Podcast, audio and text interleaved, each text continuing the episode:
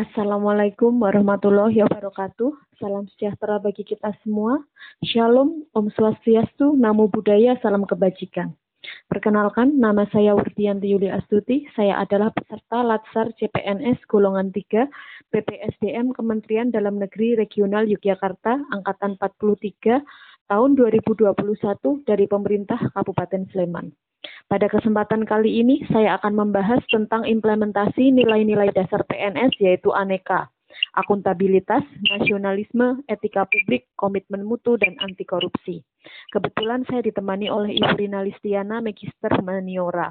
Beliau ini adalah salah satu guru di SMP Negeri 4 Ngaglik sekaligus suaka kurikulum.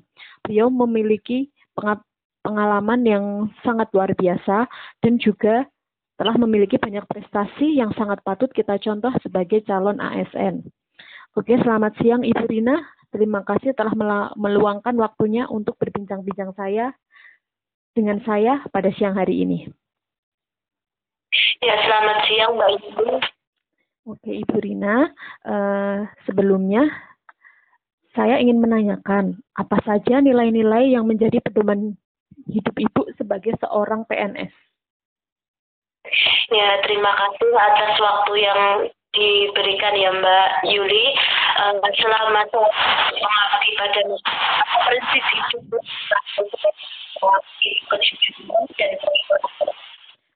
kita itu dalam hidup jika selalu jujur dan ikhlas, insya Allah apa pun tugasnya maka kita bisa amanah jika kita senantiasa mengingat Allah, apa saja godaan yang ada di depan kita ya Mbak, uh, saya yakin tidak akan tergoda untuk berbuat yang tidak baik. Jadi uh, bagi saya penerapan sila pertama Pancasila itu Mbak, intinya harus selalu kita pegang di mana pun kita berada selama menjalani kehidupan kita sehari-hari. Begitu Mbak. Oke, luar biasa sekali ya Ibu. Kemudian, menurut Ibu pribadi, bagaimanakah keharmonisan dan kerjasama di lingkungan kerja Ibu sekarang ini? Uh, menurut saya, di sini keharmonisan dan kerjasama antar warga sekolah, baik sesama guru maupun sesama guru karyawan, guru dan siswa, kemudian uh, antar karyawan uh, menurut saya sudah bagus ya Mbak. Ada kesulitan apa pun kita musyawarahkan, kita cari solusinya bersama-sama.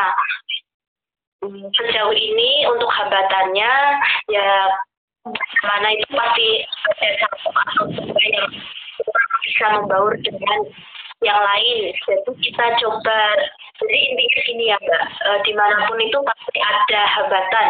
Ya salah satunya itu pasti ada salah satu atau orang yang tidak bisa membawa orang lain.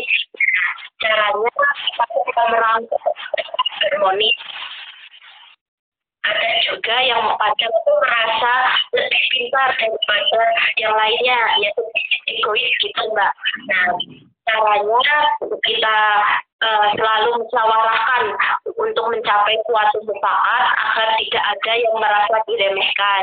Selain itu, untuk mempererat hubungan antar warga sekolahnya di sekolahan kami ini ya Mbak, selalu kita terapkan 5S, yaitu senyum, salam, sapa, sopan, dan santun, baik uh, di lingkungan sekolah maupun di luar sekolah.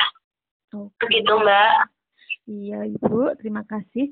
Uh, selanjutnya, saya mulai masuk kepada nilai-nilai dasar ASN ya Bu. Uh, untuk nilai yang pertama okay. yaitu nilai akuntabilitas. Menurut Ibu sendiri, di lingkungan kerja Ibu selama ini, baik di SMP 4 Ngagri ataupun sebelumnya, apakah instansi itu sudah menerapkan nilai akuntabilitas? Uh, untuk penerapan nilai akuntabilitas, saya rasa di sekolah ini baik bapak ibu maupun staff sudah menerapkan nilai akuntabilitas. Nah, misalnya untuk bapak ibu guru selalu melaksanakan tugasnya dengan penuh tanggung jawab walaupun dalam kondisi uh, pembelajaran jarak jauh seperti sekarang ini ya Mbak. Hmm. Tidak hanya mengajar secara daring, namun jika ada siswa kami yang memiliki masalah, pasti Bapak Ibu guru itu akan uh, dengan segan tidak segan-segan ya langsung datang secara home visit ke rumah siswa tersebut memastikan kendala atau masalah apa yang dialami anak tersebut. Selain itu, Bapak Ibu guru juga melaporkan administrasi guru secara rutin ya setiap bulannya. Hmm. Uh, kemudian setiap satu semester sekali kita juga melaksanakan yang namanya supervisi guru ya Mbak. Oh, ya. Untuk tetap saya kira juga sama ya Mbak, mereka mengerjakan tugasnya dengan penuh tanggung jawab. Oke, berarti dari sini saya bisa simpulkan kalau nilai akuntabilitas sudah diterapkan dan hambatan dan rintangannya juga sampai saat ini sudah teratasi dengan baik ya Ibu? Iya, begitu Mbak. Uh, untuk nilai yang kedua Ibu, yaitu nasionalisme. Bagaimanakah penerapan nasionalisme di, di lingkungan kerja Ibu?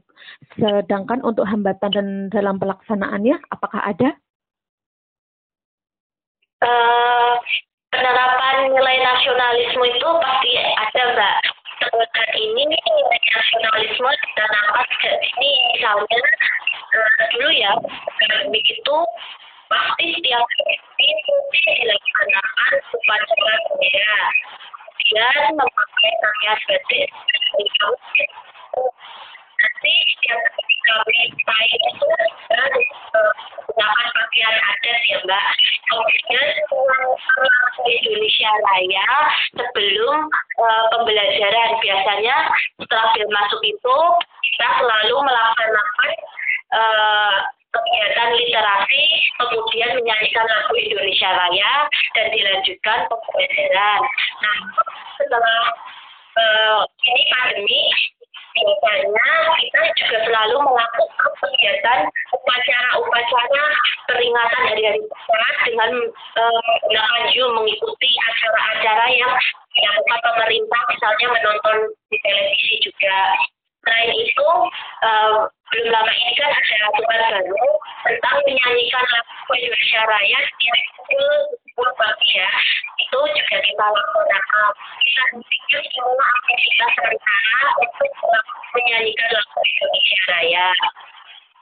Uh, untuk pembuatannya saya kira tidak banyak misalnya ya ketika hari Kamis baik itu kan banyak mungkin guru atau karyawan yang lupa nah uh, solusinya ya nanti pihak umat harus mengingatkan pada malam harinya melalui grup WA agar Bapak Ibu guru maupun karyawan tidak lupa bahwa paginya menggunakan pakaian adat. Seperti itu, Mbak. Oke, okay. berarti walaupun pandemi seperti ini, kegiatan seperti upacara bendera tetap bisa dilaksanakan ya, Ibu ya? Itu berarti sudah solusi dari hambatannya ya, Bu? Iya, begitu, Mbak. Oke, Ibu. Kemudian untuk etika publik sendiri, apa uh, mohon maaf, bagaimanakah etika publik ASN di lingkungan Ibu? Apakah mereka itu sudah menerapkan etika publik itu sendiri? Oke, etika publik ya Mbak. Kita ini kan sebagai. PNS itu tugasnya sebagai pelayan masyarakat. Output dari pekerjaan kita ya penilaian masyarakat itu sendiri.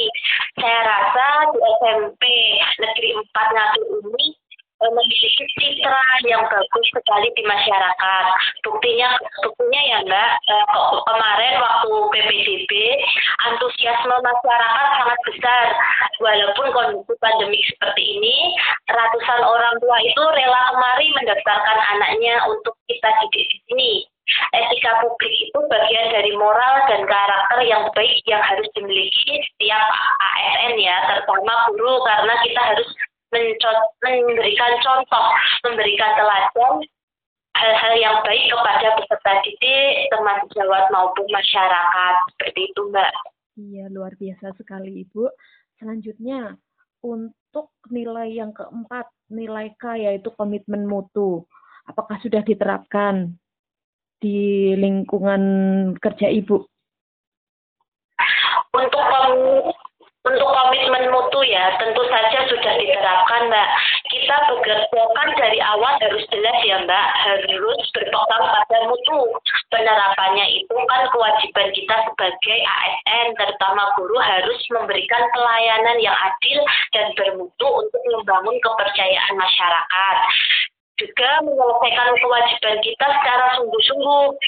Hambatannya sejauh ini uh, belum ada ya Mbak, karena komitmen kami yaitu memberikan pelayanan terbaik kepada masyarakat. Berarti untuk komitmenmu itu tidak ada tantangannya karena sudah ada komi komitmen untuk melayani dengan baik begitu ya Ibu? Iya, begitu. Dan yang Kemudian dan yang nilai terakhir ya Ibu yang mungkin menjadi gongnya yaitu adalah nilai-nilai anti korupsi. Bagaimana cara Ibu sebagai ASN untuk meningkatkan nilai anti korupsi di lingkungan kerja Ibu dan apakah ada hambatannya sampai saat ini? Um, anti korupsi itu sebenarnya susah ya Mbak ya. Uh, anti korupsi jika diterapkan itu sangat susah karena uh, saya rasa di institusi mana pun pasti ada korupsi. Uh, makanya di sini ada korupsi itu dalam hal kecil ya mbak. Misalnya guru itu uh, korupsi waktu. Nah, bisa juga nanti uh, apa ya korupsi alat-alat uh, tulis kayak gitu ya. Hmm. Tapi di sini kita tekankan pada semuanya baik bapak ibu guru maupun karyawan uh, janganlah mengambil yang bukan menjadi hak kita termasuk waktu nah tugas harus kita selesaikan tepat waktu waktu ngajar yang ngajar, waktunya diberi tanggung jawab lain ya harus kita kerjakan. Selain itu, di sini kita tidak boleh menerima suap dalam bentuk apa pun. Nah, misalnya kemarin waktu PPDB tidak masuk Yunasi, kita tidak boleh menerima suap dalam bentuk uang agar uh, anaknya bisa masuk seperti itu. Kemudian kita selalu harus menerapkan kedisiplinan uh, hambatannya sejauh ini belum ada ya Mbak. Kami selalu berkomitmen bekerja dengan jujur. Kuncinya yang penting kita jujur Mbak. Iya Bu. Dan kemudian dari kelima nilai itu menurut Ibu mana yang paling sulit diterapkan Bu kepada ASN di era yang milenial ini? Uh, kalau yang paling sulit diterapkan saya kira tidak ada Mbak. Semuanya bisa kita terapkan kita dari awal komitmen ya. Mau jadi ASN itu harusnya mau melayani masyarakat dan kita harus tahu tugas utama kita itu juga sebagai pelayan masyarakat. Ya kita harus melakukan pelayanan sebaik mungkin kepada masyarakat dengan hati yang ikhlas. Tidak bisa misalnya kita tidak bisa melakukan ya kita harus mau belajar asal punya tekad yang kuat Uh, ini Ibu, untuk yang terakhir, terakhir kalinya, pesan-pesan apa saja yang Ibu ingin sampaikan kepada kami selaku calon PNS agar bisa berprestasi dan berkomitmen tinggi terhadap NKRI seperti Ibu? Nah, pesan saya kepada adik-adik e, calon ASN semuanya ya, di mana pun dan apa pun pekerjaan kalian, ingatlah Allah. Dengan mengingat Allah, kita akan senantiasa tunduk dan patuh pada norma dan aturan Allah. Setiap perbuatan kita akan dimintai pertanggungjawabannya. Jadi, e, kita harus melakukan sebaik mungkin insya Allah akan diridhoi. Yang penting ikhlas, kuncinya ikhlas. Juga kita jangan sampai lupa ya, uh, kita itu harus mengangkat citra PNS, eh, citra OSN di mata masyarakat kita. Kita tunjukkan bahwa ASN zaman now itu hebat-hebat. Seperti itu, Mbak. Ya, terima kasih Ibu.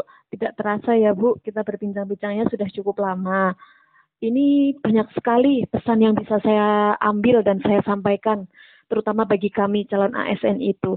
Terima kasih Ibu Rina atas kesediaan waktunya untuk berbagi pengetahuan dan pengalamannya kepada kami. Insya Allah akan sangat berguna sebagai bekal kami ke depan. Sampai jumpa di lain kesempatan. Ibu, selamat siang. Selamat siang. Five, four, three, two, one, and close the door.